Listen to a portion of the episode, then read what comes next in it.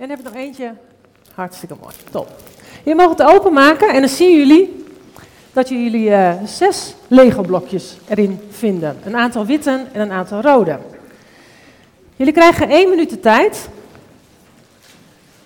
om daar een gans van te maken. En jullie tijd gaat nu in. Wij gaan ondertussen even een minuut soort van wachten, of we gaan even kijken hoe ze dat doen. En als je hem in elkaar eh, hebt, mag je hem even omhoog houden. Ondertussen de tijd in de gaten houden.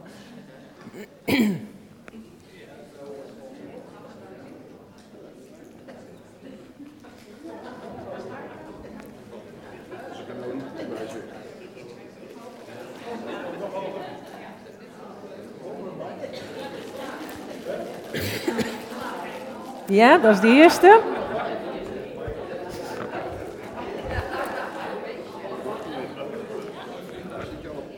De tweede. Mooi. Oh, leuk hè? Men gaat gelijk vergelijken. Ah, top. Top, top, top. Ik kan jullie niet allemaal aan bod laten komen.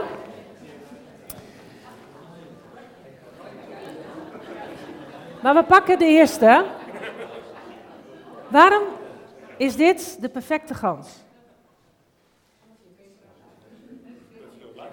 Omdat hij erop lijkt. Oké. Waarom is dit jouw perfecte gans? Nou.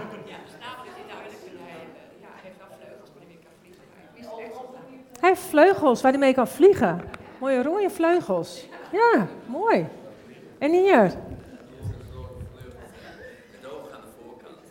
Het oog aan de voorkant, dan kan hij goed zien waar hij naartoe vliegt.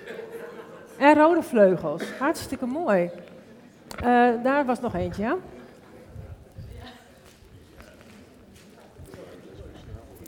Nog één. Waarom is dit een perfecte gans?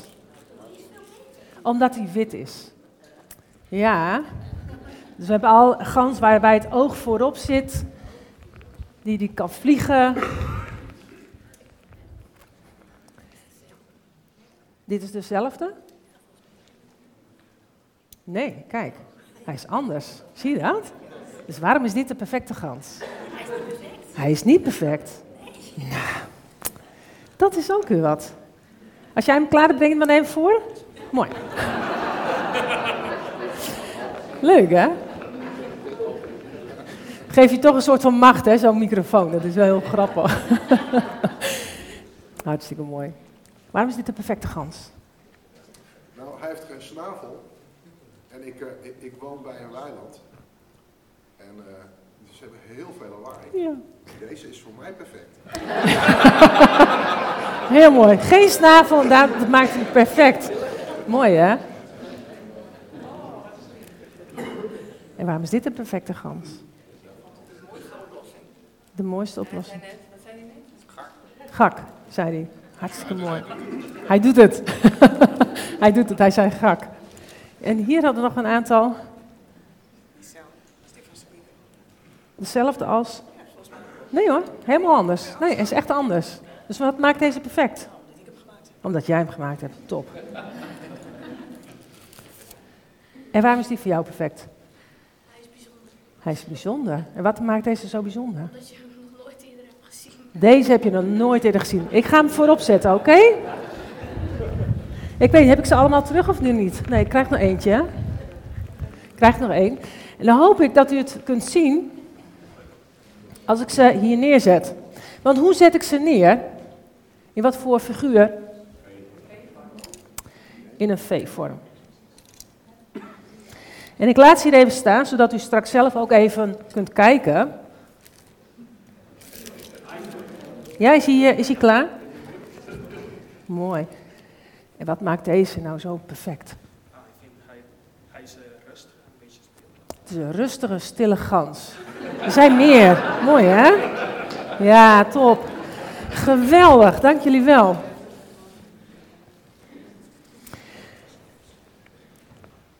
In een V-formatie. Mooi, hè? En uh, er komen wat dingen voorbij. Jullie hebben allemaal dezelfde bouwstenen gekregen. En toch zijn het allemaal individuele ganzen geworden. En elke gans heeft zijn eigen unieke kwaliteiten. Net zoals de Heere God ons ook allemaal uniek en bijzonder heeft geschapen. En ik zeg niet voor niks, wat maakt dit de perfecte gans? Ik vraag niet, wat markeert hier allemaal aan? En dat is hoe wij als mens naar die gans kijken of naar onszelf kijken. Het is zo jammer, want God heeft ons perfect gemaakt. In zijn ogen zijn we allemaal perfect. Ook al hebben we geen snavel, ook al hebben we rode vleugels, ook al hebben we ons oog voorop zitten. Maakt allemaal niet uit. Hij kan ons allemaal gebruiken en zet ons allemaal in die V-formatie. Ik heb uh, een uh, kleine PowerPoint uh, gemaakt van de les die we kunnen leren van de ganzen. En het is niet echt super nieuw. Kan best zijn dat mensen dat al eens een keer gehoord hebben uit managementtrainingen en dergelijke. en ik had een filmpje meegenomen om even aan te tonen wat voor lawaai die ganzen maken. Want ze gakken naar elkaar. Nou lukte dat niet, uh, want hij stond op de USB-stick, dus waarschijnlijk is er weer iets verkeerd gegaan met mijn technische vermogen. maar dat maakt niet uit. Van een week was ik uh, aan het wandelen bij Nieuw Allerts Oog. En ik vind het altijd zo'n zo mooie omgeving daar. En nu lag er over wat witte laag overheen. En het was heel stil. Ik liep daar helemaal alleen. Tenminste, dat gevoel had ik. En toen kwam er zo'n zo zo vlucht ganzen over me heen vliegen. En dan hoor je pas heel goed wat voor geluiden ze maken. Dat gakken. En dat doen ze niet voor niks. Want ze moedigen elkaar aan. Je mag de eerste even doorklikken als je wil. Nog eentje. Wat ze namelijk doen, uh, is achter elkaar aan in die V-formatie. En dat doen ze omdat ze gebruik maken van de opwaartse kracht van degene die voor hen vliegt. Dat maakt dat ze 73% sneller kunnen vliegen dan wanneer ze alleen zouden vliegen. Ze hebben uh, dat uh, gedeeld en gemeenschappelijk doel, zodat ze ook samen ergens uitkomen. Dat is wel heel handig als je samen vliegt, dat je allemaal dezelfde kant op gaat. De tweede, de tweede les is dat ze, wanneer zij zeg maar, het niet helemaal meer kunnen bijbenen, dat ze dan zichzelf nederig kunnen neerzetten.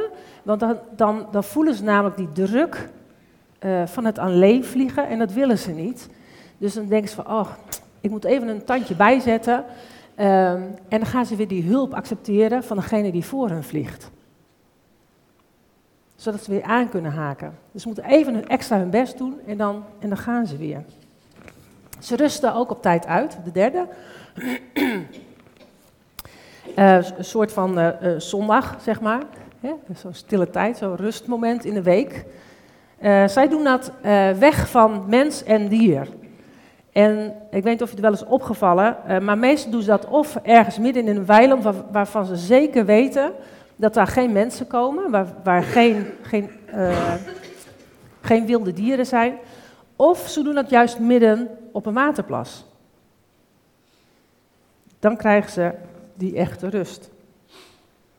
Nou, zoals ik al zei, ze gakken naar elkaar, nummer vier. Ze moedigen elkaar aan in plaats van dat ze elkaar lopen te besnateren of te, af te. Nou ja, dat is niet zo netjes woord wat ik zou zeggen, maar u begrijpt vast wat ik zou zeggen. Dus ze, ze, moedigen elkaar aan. Ze geven elkaar complimenten van je doet het goed, kom op, we kunnen sneller, we kunnen verder, enzovoort. En de vijfde is dat ze elkaar ondersteunen bij moeilijkheden. En als een gans het heel moeilijk heeft en het echt niet meer bij kan benen, dan laat hij zichzelf zakken naar beneden en dan gaan er twee met hem mee. En die blijven bij hem. En die blijven zo lang bij hem totdat hij weer sterk genoeg is om weer aan te sluiten, het zij bij een volgende vlucht of bij die andere vlucht nog, of ze wachten net zo lang tot hij doodgaat. De zesde is dat uh, er gedeeld leiderschap is. Er is geen burn-out bij, de, uh, bij de ganzen. Ze kennen niet dat stukje micromanagen en, overal maar uh, haantje de voorste zijn enzovoorts. Nee, ze hebben een gedeeld leiderschap. Dat houdt in dus dat degene die voorop vliegt, steeds wordt afgewisseld door een ander. Zodat ze allemaal hun krachten kunnen besparen en samen aankomen bij eindbestemmingen. En dan de laatste. Ze houden vast aan de bedoeling en hun waarden. Ze vliegen namelijk altijd dezelfde route naar het zuiden. Ze keren terug naar hun geboorteplek. En ze wijken hier nooit van af. Ook niet als er andere omstandigheden uh, komen. Uh, of dat er nieuwelingen bij die groep komen. Sterker nog, die jongeren, de jonge ganzen, worden opgeleid om hetzelfde te doen als hun voorouders.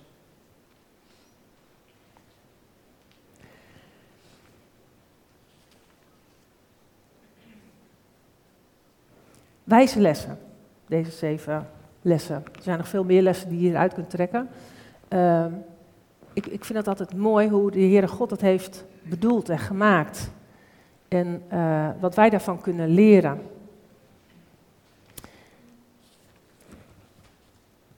Je mag naar de volgende. En ik ga u een verhaaltje vertellen. Dit zijn uh, twee ganzen. Sorry, zoals u kunt zien. Wil en Tamme. En het uh, zijn twee ganzen die wel enorm veel op elkaar lijken. Vindt u ook niet? Ja, hè? Het verhaal dat ik u ga vertellen is gebaseerd op een parabel van uh, Søren Kierkegaard. Dat is een, uh, een 19e eeuwse predikant of filosoof uit Denemarken. En u begrijpt het vast al, Wil is een wilde gans en Tamme is een tamme gans. Ook wel soepgans uh, genoemd, maar dat vond ik in de tijd van kerst niet echt heel erg netjes om te zeggen. Um, op een uh, mooie dag staat Tamme in een weiland. En hij hoort al dat gakken in één keer boven zich. En hij kijkt en hij hoort. En hij verwondert zich.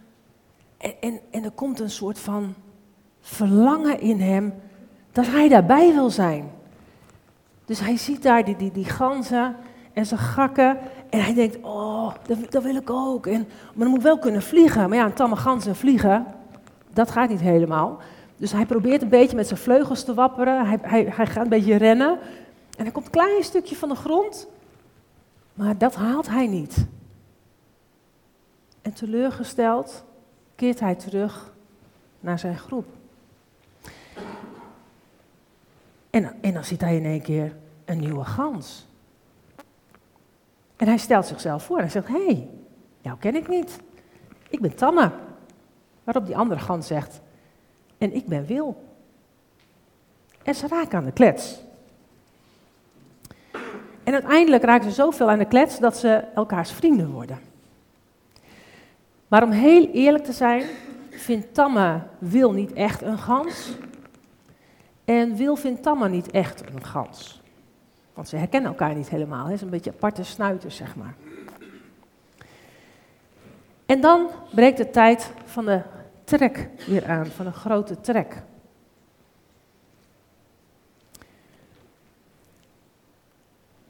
En Wil wil heel graag meedoen met die grote trek, want hij heeft dat geleerd om met die grote trek mee te doen.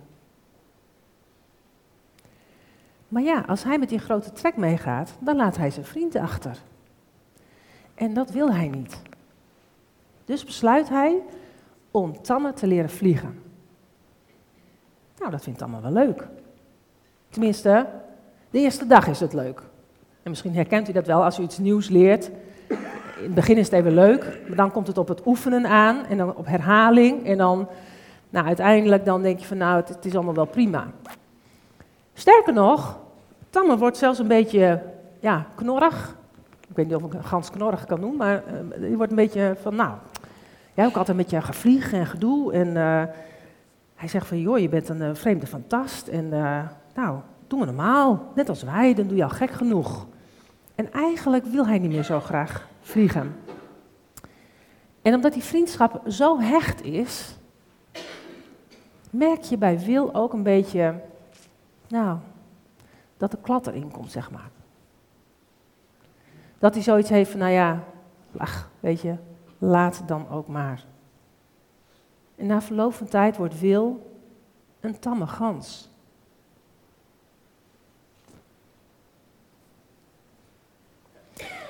Met dit verhaal van de wilde gans wil Surken Kierkegaard ons christen eigenlijk zijn vraag voorhouden. Waar gaat het nu eigenlijk om in mijn bestaan? Ben ik als tamme of ben ik als wil? Ben ik als stammen dat mijn leven wat voortkabbelt? Dat ik wel tevreden ben? Dat we weer naar het volgende kerstfeest gaan? Of ben ik wil die van oorsprong heeft geleerd om mee te gaan met de trek, om zich mee te laten nemen in iets wat groter is dan hij zelf? Bij wie het gaat om de geest, bij wie het gaat om wat God hem heeft gegeven, om zijn gaven en talenten bij wie het gaat om een waardevolle bijdrage te leveren aan een groter geheel, het Koninkrijk van God.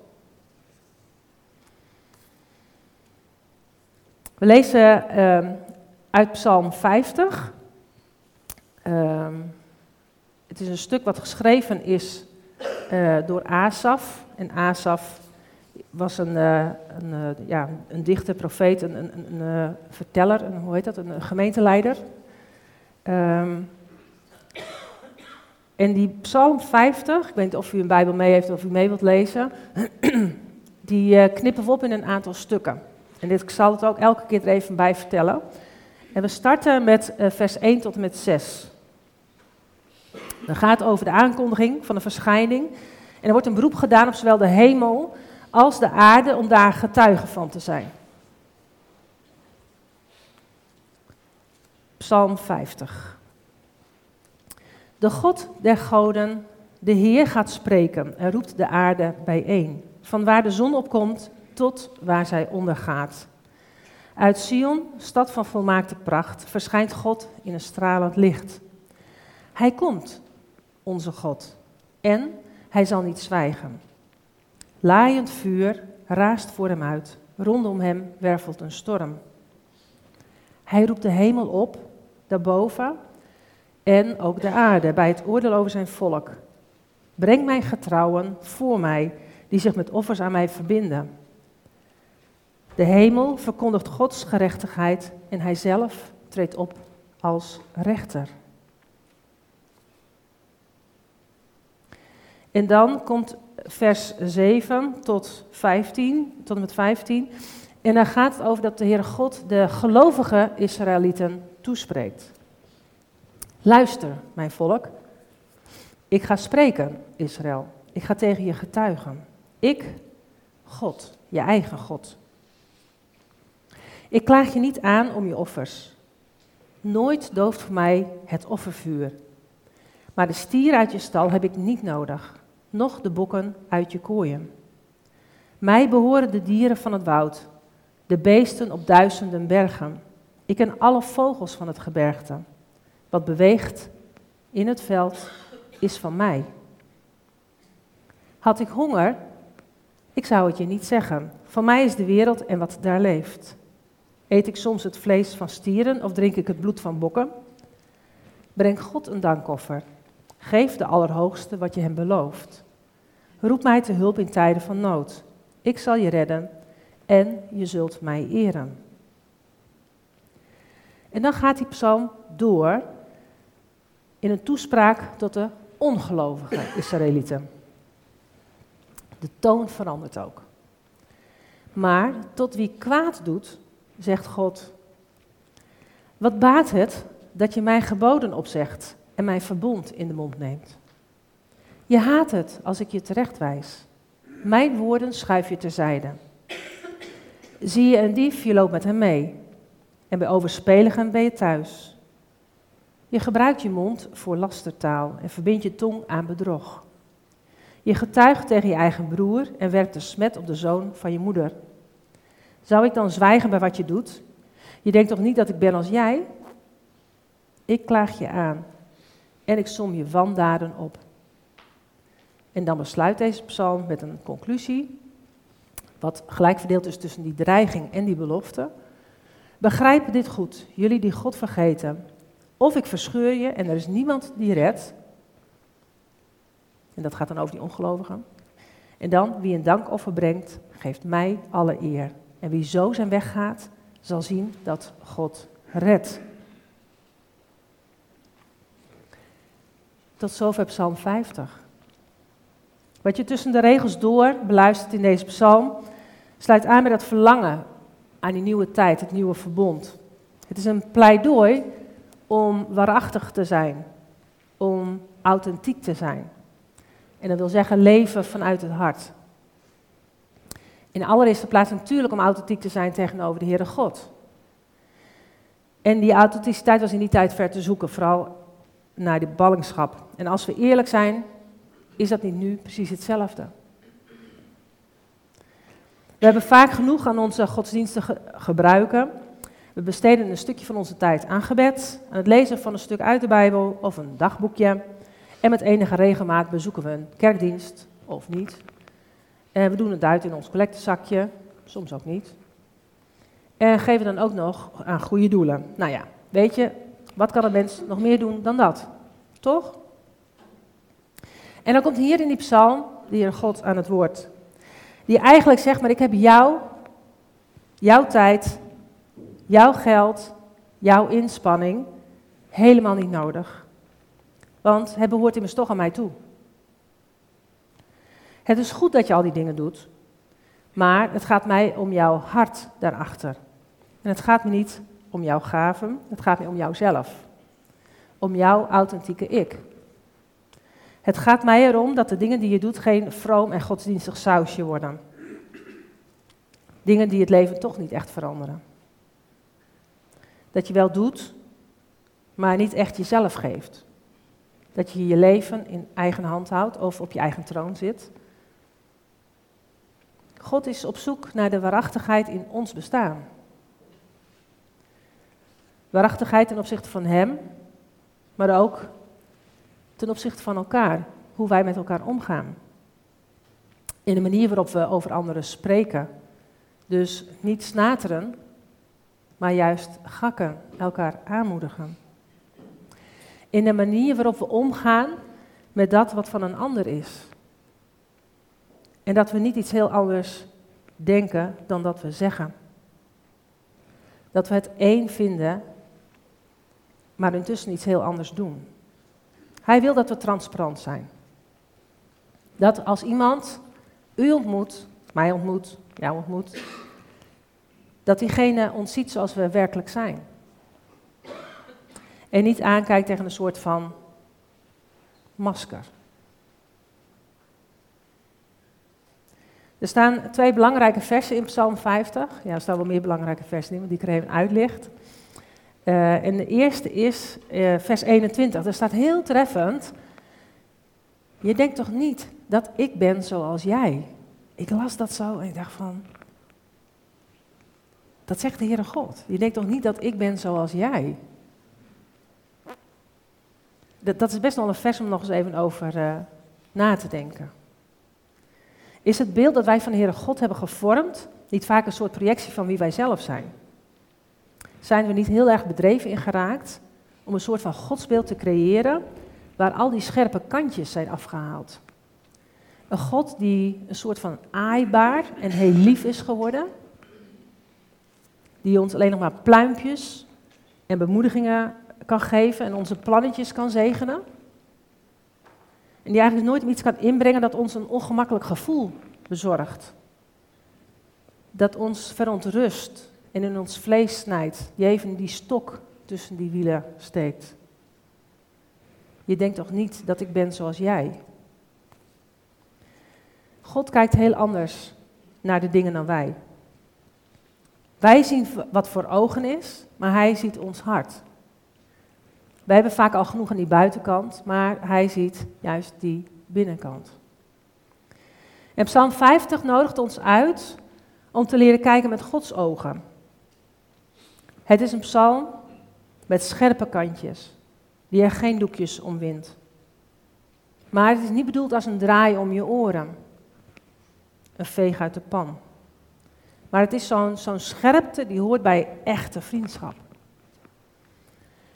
Het is de scherpte van het verbond dat God met ons mensen heeft gesloten.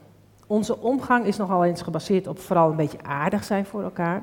Het fijn en gezellig hebben en leuke dingen doen. En als je mazzel hebt binnen een vriendschap, dan is er ook nog wel eens plaats voor moeilijke en verdrietige dingen. Maar om binnen een vriendschap zo eerlijk te kunnen zijn dat je je vinger op de zere plek mag leggen, Net zo dat je, eh, dat je zeg maar, uh, ijzer met ijzer kan scherpen. Dat kan alleen als die band heel erg stevig is. En het vertrouwen heel sterk. En dat is juist die band die God met ons mensen zoekt. Hij benoemt namelijk glashelder wat er mis is. En toch blijft hij ons steeds zijn volk noemen en zichzelf onze God. En dat brengt me bij die tweede belangrijke vers in de psalm, namelijk het slotvers. Wie een dankoffer brengt, geeft mij alle eer. Wie zo zijn weg gaat, zal zien dat God redt. Dankoffers zijn het type offers dat je brengt als je in je gewone dagelijkse leven redenen hebt tot dankbaarheid. Bijvoorbeeld dat je genezen bent van een ziekte. Of dat je een fantastische opbrengst in je handel hebt gehad. Of uh, dat je dankbaar bent voor je huwelijk, voor je gezin. Er zijn 10.000 redenen om dankbaar te zijn. En als we dan dat inzien dat we dankbaar mogen zijn en kunnen zijn, dan zijn we authentiek. En dan hebben we God lief met heel ons hart en heel ons ziel. En van daaruit ga je automatisch dankoffers brengen.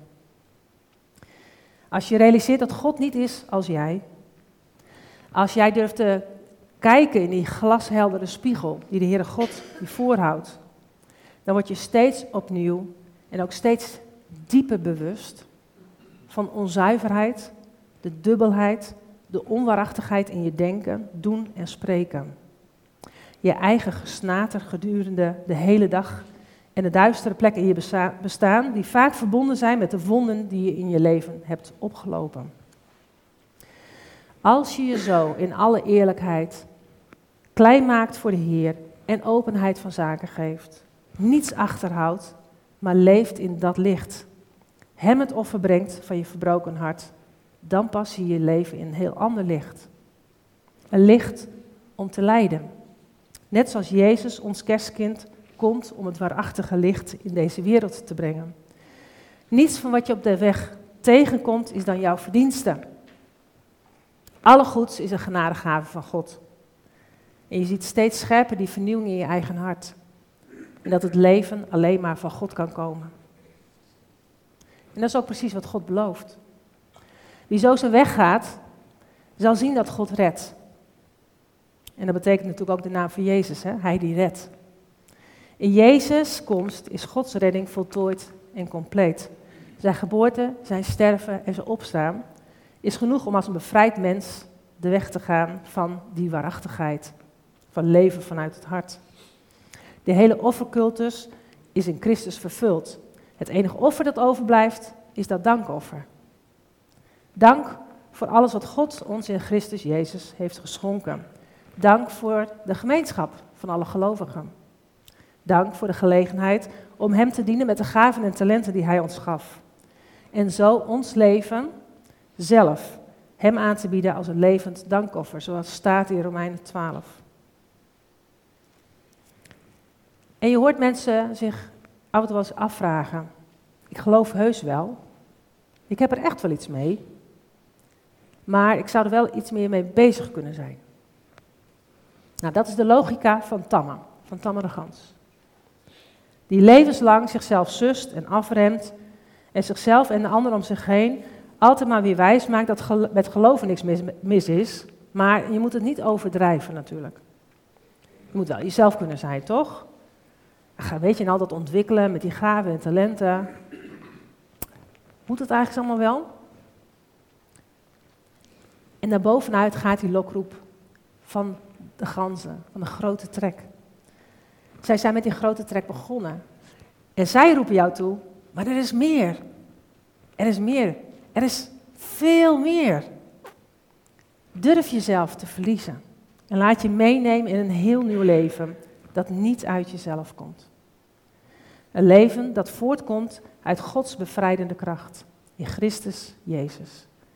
En dat is ook de strekking van het apostolische vermaak waar ik net al over had, Romeinen 12. Echte godsdienst is jezelf als een levend heilig en God welgevallig offer in zijn dienst te stellen. Jezelf niet aan te passen aan deze wereld, aan de tamme ganzen die de grote trek naar de tuincentra en de kerstconcerten heeft uh, begonnen. Maar te veranderen door je gezindheid, dus door je hele hebben en houden te vernieuwen. Om zo te ontdekken wat de wil van de Heere God is. Net zoals wil de wilde gans dat doet. En kort gezegd is dat gewoon deelnemen aan die grote trek. Nee, niet die van die decembermaand, de grote lichtshow. Want laten we eerlijk zijn. Kerst is toch veel meer dan dat? Amen.